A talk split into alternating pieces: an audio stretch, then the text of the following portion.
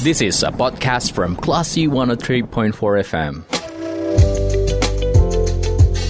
Sumbar melawan Corona, persembahan Classy FM.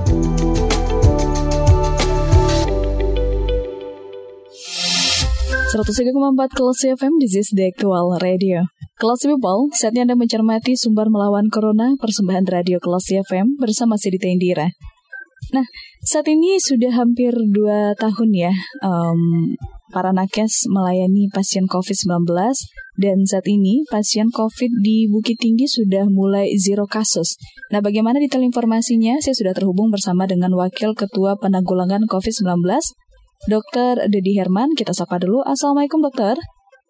Waalaikumsalam, Mbak Dira. Nah, mudah-mudahan sehat selalu Mbak Dira ya. Amin, insya Allah dokter. Dan semoga dokter juga sehat ya. Hari ini sehat ya dok ya? Alhamdulillah, mudah-mudahan jangan sampai ada gelombang tiga, mudah-mudahan cukuplah dua gelombang atau iya. kalau ada gelombang berikutnya yang jangan sampai sebanyak ini gitu. Mm. Allah sekali gitu. Iya, amin. Kita harapan kita bersama tidak ada lagi peningkatan ya, Dok ya. Iya, Dan Um, saat ini bagaimana kondisi pasien COVID-19 di RSAM, dok? Kabarnya udah nggak ada ya? Pasien kosong sekarang Mbak Dira di poli pun tidak ada. Mm. Satu minggu yang lalu pasien di rumah sakit yang lain, saya mm -hmm. masih ada satu, tapi tidak tertolong ya meninggal juga. Mm. Jadi artinya bahwa uh, kasusnya tidak banyak satu-satu, tapi uh, belum belum tentu dia ringan, tapi ada yang berat. Ada beberapa kasus di tempat praktek juga itu biasanya datangnya dengan kondisi tidak berat lagi. Hmm. Nah, sebagai ada yang divaksin sehingga mereka hanya menyatakan hilang penciuman atau hanya demam seperti itu. Nadira. Oke baik. Nah untuk saat ini rumah sakit yang lain gimana dok yang menangani pasien COVID-19? Sama, kondisinya sama sudah hmm. sudah kasus lagi yang dirawat. Uh, nah, uh, ya, namun kita tetap perlu hati-hati ya Mbak Dira ya. Hmm. Karena hati-hati kita seperti Singapura atau Malaysia yang sekarang masih berada pada level 3 yang kalau tidak salah saya sekitar dua minggu, eh, satu minggu atau sepuluh hari yang lalu Singapura mencatatkan ada enam ribu kasus baru ya hampir tujuh ribu. Hmm. Malaysia juga hampir seperti itu. Yang Malaysia dan Singapura itu berada pada level 3 kita yang berada pada level 1 artinya kembalikan. Tapi mereka tuh tidak Singapura pernah level 1 kemudian sekarang naik lagi ke level 3 hmm. artinya kalau misalnya banyaklah orang Sumatera Barat yang pergi ke Malaysia atau Singapura tidak menjaga protokol atau tidak tapi risikonya adalah kemungkinan membawa virus dari sana itu juga mungkin sekali nah dan kalau itu berkembang itu bahaya sekali pak mm -mm. Iya benar Karena sekali. Kan variannya varian Delta plus atau mm -hmm. varian Delta katanya. Ya, dan kabarnya varian yang paling baru pun juga sudah sampai di Malaysia ya dok ya? Uh, sebetulnya kalau dia seperti influenza itu sebentar sekali, mbak. Mm makanya dia menjadi uh, pandemi itu iya seperti itu karena sangat cepat sekali penularannya. Mm. Baik, dan gimana rasanya di dok hampir dua tahun menangani pasien COVID dan saat ini di Sumber sudah mulai melandai? satu hal yang ada dirasakan oleh kita semua sebagai petugas kesehatan baik dokter perawat itu rasanya bahagia sekali karena eh, pertama bahagianya eh, tidak melihat eh, banyak lagi pasien yang meninggal hmm. terus sekarang pasien itu seolah-olah itu sebagian dari semangat kita tuh pergi sama pasien Hmm. Itu yang tidak nyaman gitu. Hmm. Dan itu kadang-kadang di rumah pun terbayang-bayang oleh kita terus. Hmm. Pertama itu yang bahagia kita bahwa tidak banyak pasien lagi artinya uh, bahwa uh, pasiennya tidak banyak artinya kemungkinan untuk kondisi-kondisi yang berat seperti yang sebelumnya pada bulan Juli ya Juni Agustus itu sudah sudah uh, apa lewati artinya uh, kita jadi lebih nyaman artinya kita tidak ada beban lagi uh, kemudian yang kedua uh, yang tidak yang bahagianya adalah uh, kita uh, berada pada level satu sekarang. Mm-hmm. Kemudian yang ketiga adalah bahagianya adalah kita bisa bertemu dengan anak, dengan istri itu tanpa was-was. Kalau di, selama ini rasanya was-was, mm-hmm. ini, ini bawa virus ke rumahnya, ini bawa seperti itu. Mm-hmm. Takut kalau misalnya anak-anak menjadi korban, takut orang tua menjadi korban, takut ya, keluarga yang uh, inti kita itu menjadi korban seperti itu, Mbak. Oke okay, baik. Dan kalau kita lihat dari data kan emang sudah mulai membaik ya dok ya. Uh, tidak banyaknya lagi penambahan kasus. Namun saat ini kan masih banyak nih warga yang nggak prokes setelah vaksin. Atau malah cuma vaksin pertama saja atau vaksinnya nggak lengkap gitu ya. Nah ini gimana menurut dokter? Eh, sebetulnya begini, vaksinasi itu tujuannya adalah menimbulkan atau memunculkan kekebalan tubuh. Jadi misalnya kalau kenapa dua kali, tujuannya yang pertama itu adalah supaya sel-sel imun imunitas kita itu mengenali dulu si uh, virus tadi. Mm-hmm. Kalau dia sudah mengenali virus akan terbentuk uh, antibodi yang jumlahnya mungkin belum terlalu banyak, ya.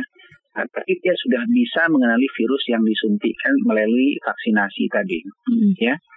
Kemudian dua minggu, kemudian kalau awal-awal itu dua minggu ya, itu memang kejar tayang pemerintah waktu itu.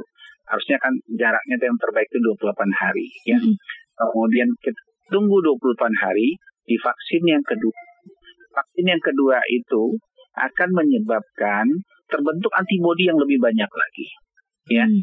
Artinya di vaksin kedua tadi itu antibodinya terbentuk lebih banyak dan itu tidak mungkin tidak langsung melindungi eh, dengan baik itu tunggu waktu lagi dua minggu artinya memang sekitar satu setengah bulan yang kita butuhkan untuk menimbulkan daya tahan tubuh yang optimal eh, ya mbak ya mm-hmm. eh, dari vaksinasi yang kita dapatkan jadi kalau cuma satu kali vaksin ya artinya tidak terbentuk sempurna artinya kalau bisa terinfeksi mungkin tidak berat tapi bisa saja menjadi berat contohnya eh, pak itu kita ya mantan mm-hmm kita sudah dua kali vaksin.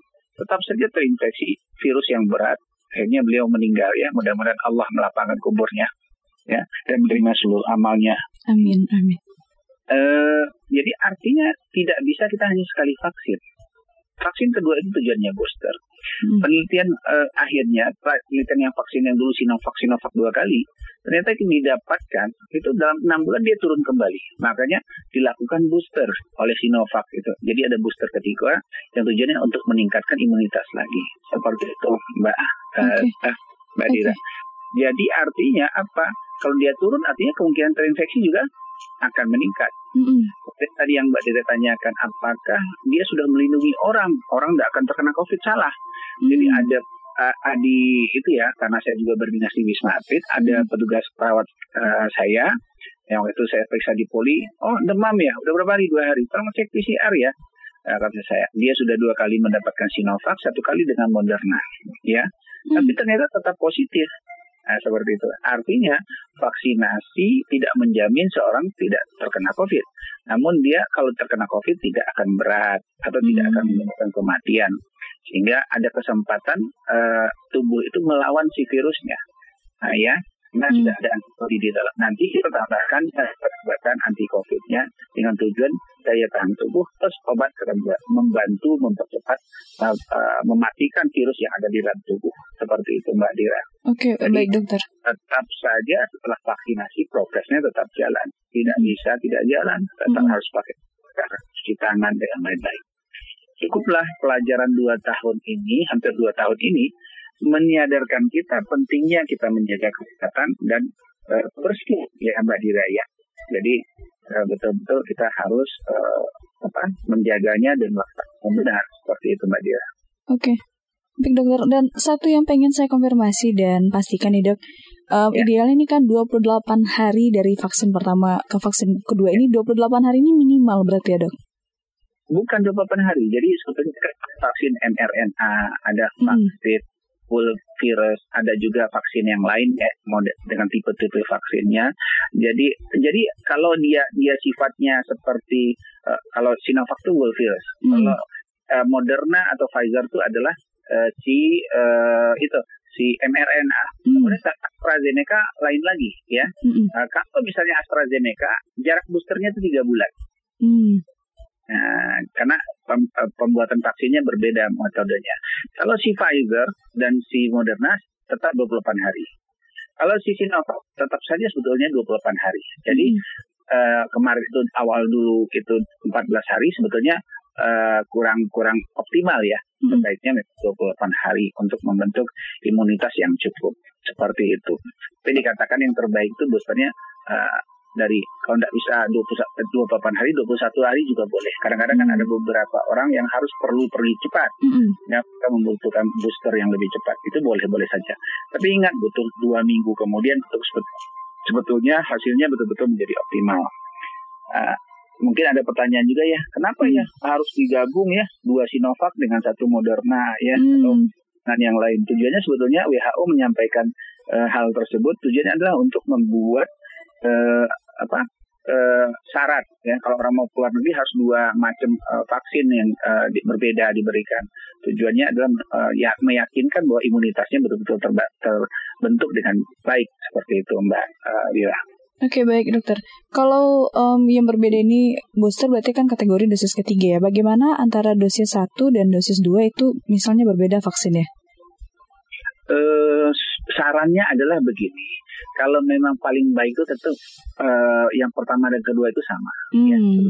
seperti itu. Mm-mm. Kalau memang kita mau vaksin ketiga dengan yang lain silahkan saja dengan Hmm. tadi dengan yang lain. Tapi sebaiknya itu kalau Sinovac Sinovac yang yang hasilnya cuma sekitar 60-70 persen setelah itu dengan Moderna dengan hasilnya yang lebih baik. Eh, kakak saya di Bandung itu men- mencek dua kali dengan menggunakan Sinovac naiknya cuma 800 ya ya ya Hmm. kemudian dengan ditambah sekali Moderna langsung naik jadi 4000 nah seperti itu artinya yang diharapkan dengan kombinasi tadi menyebabkan imunitasnya akan jauh lebih uh, meningkat seperti itu Uh, tergantung juga dengan proses pembuatan sih sebetulnya yang uh, Dira ya Mm-mm. kemudian uh, yang di, kal- yang paling baik itu katanya sebetulnya yang bertahan lama dalam tubuh itu kalau kita menggunakan AstraZeneca Hmm. Oke. Hmm. Oke baik dok. Dan eh, dokter kan selain ini ya, selain menangani pasien di RSAM ini juga menangani pasien di Wisma Atlet. Mungkin bisa kasih gambaran sedikit dok bagaimana kondisi di Wisma Atlet sekarang? di Wisma Atlet sekarang pasien sekitar seratusan lebih ya, sekitar Hmm. enam puluhan. Uh, kondisinya sekarang uh, kita juga sudah uh, dulu itu pakai hazmat, sekarang kita sudah memulai uh, cara yang baru Hmm. menggunakan hazmat itu itu pun hanya uh, level 3 itu hanya di ICU ataupun di tempat-tempat yang aerosol terjadi aerosol. Uh, dan kalau misalnya di IGD yang lain-lain kita hanya menggunakan uh, apa uh, skor ya uh, gaun ditambah dengan masker N95 seperti itu tambah dengan handscoot. Tapi nih, kalau kita menggunakan apa, level 1 atau level 2 itu yang perlu penting adalah tempat cuci tangan. Artinya tempat cuci tangan yang ditambahkan sehingga memudahkan petugas mencuci tangan seperti itu Mbak Dira.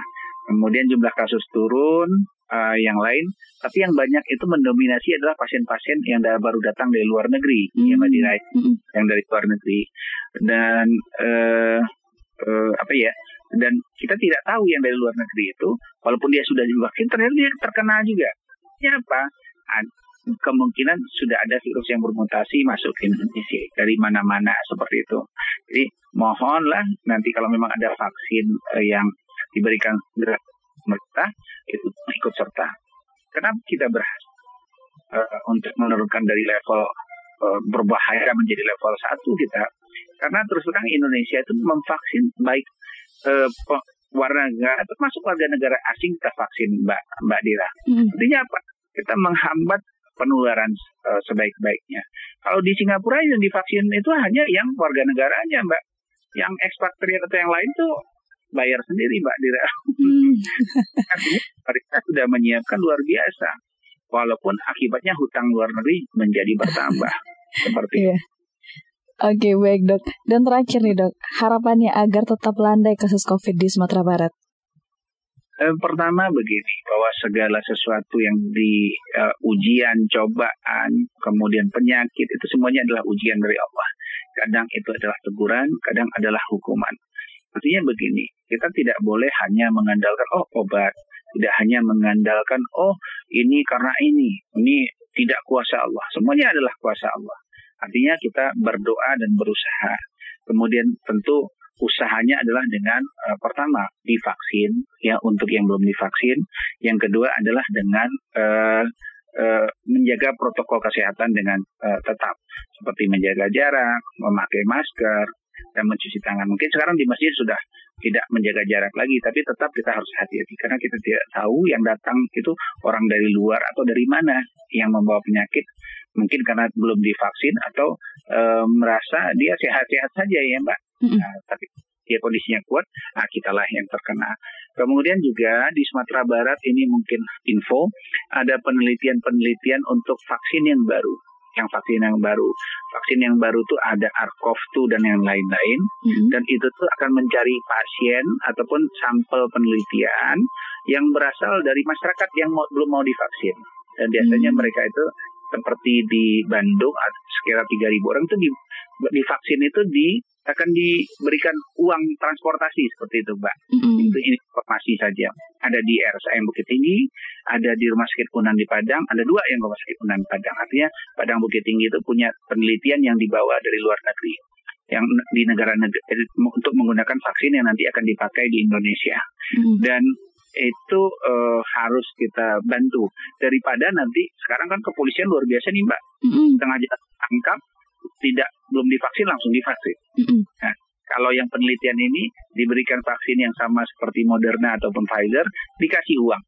Nah, dan okay. uangnya lumayan. Oke, okay. berarti uh, membuka apa ya? Membuka jalan untuk masyarakat sumber bisa menjadi relawan ya, dok ya? Iya, jadi sepertinya seperti begini. Kalau misalnya kita vaksin seperti biasa ini kan nggak dapat apa-apa, nggak mm -hmm mendapat vaksinnya. Kalau misalnya ikut penelitian vaksin ini yang nanti akan dipakai di Indonesia juga, hmm. itu kita akan masyarakat itu atau sampel yang ingin ikut itu bisa dapat uang juga, Mbak.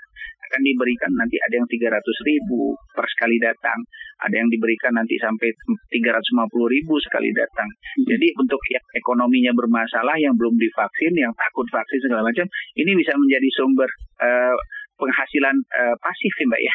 Oke. Okay. Dan kapan kapan efektifnya pengujian ini, dok? Uh, rencananya akan berjalan bulan ini, mbak ya. Akan okay. berjalan. Mungkin nanti bisa mencari eh, beritanya di RSAM, bisa mencari beritanya di RSUM dan uangnya lumayan. Saya kenapa?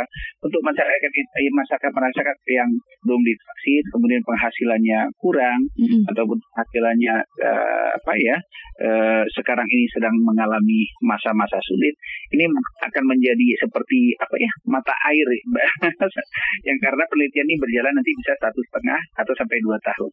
Artinya ada penghasilan pasif buat mereka. Kalau ada lima orang dalam keluarganya yang belum divaksin, dapat lima kali tiga ratus ribu saja sudah bisa menghidupi satu bulan kan Mbak? Iya, benar sekali. Nah, okay. Ini itu saya masyarakat nanti uh, kalau ada penelitian itu tolong mau ikut, jangan sampai nggak mau ikut Mbak ya. Mm. Oke, okay. berarti buat masyarakat nanti yang berminat untuk terlibat dalam penelitian yeah. ini langsung aja ke rumah sakit berarti ya Pak ya, ke rumah yeah. RSAM sama rumah sakit Unan. M dan rumah sakit Unan. Okay. Saya memanggil dan itu di bawah pengawasan saya. Oke, okay, baik. Langsung Dokter Dedi nih yang bertanggung jawab yeah. ya. Oke, okay. baik terima kasih dok atas atas informasinya dan um, selamat melanjutkan aktivitas ya dok ya sudah berbagi kisah bersama kita di sore hari ini. Lalu seluruh penyiar uh, kelas ya. Amin. Sama-sama kami. Okay. pahala kita sama diberikan oleh Allah. Amin. Adira, makasih Iya, sama-sama dokter. Uh, selamat melanjutkan aktivitas. Sehat-sehat selalu dok. Assalamualaikum. Waalaikumsalam warahmatullahi Baiklah People, itu dia perbincangan kita bersama dengan Wakil Ketua Pandanggulangan COVID-19 ada Dr. Dedi Herman terkait dengan um, Bukit Tinggi yang sekarang sudah mulai zero kasus COVID-19. Kalau gitu saya Ditendira, kita ke program selanjutnya. Terima kasih. Anda sudah mencermati program Sumber Melawan Corona. Cermati podcast obrolan ini di www.classfm.co.id atau download aplikasi Class FM.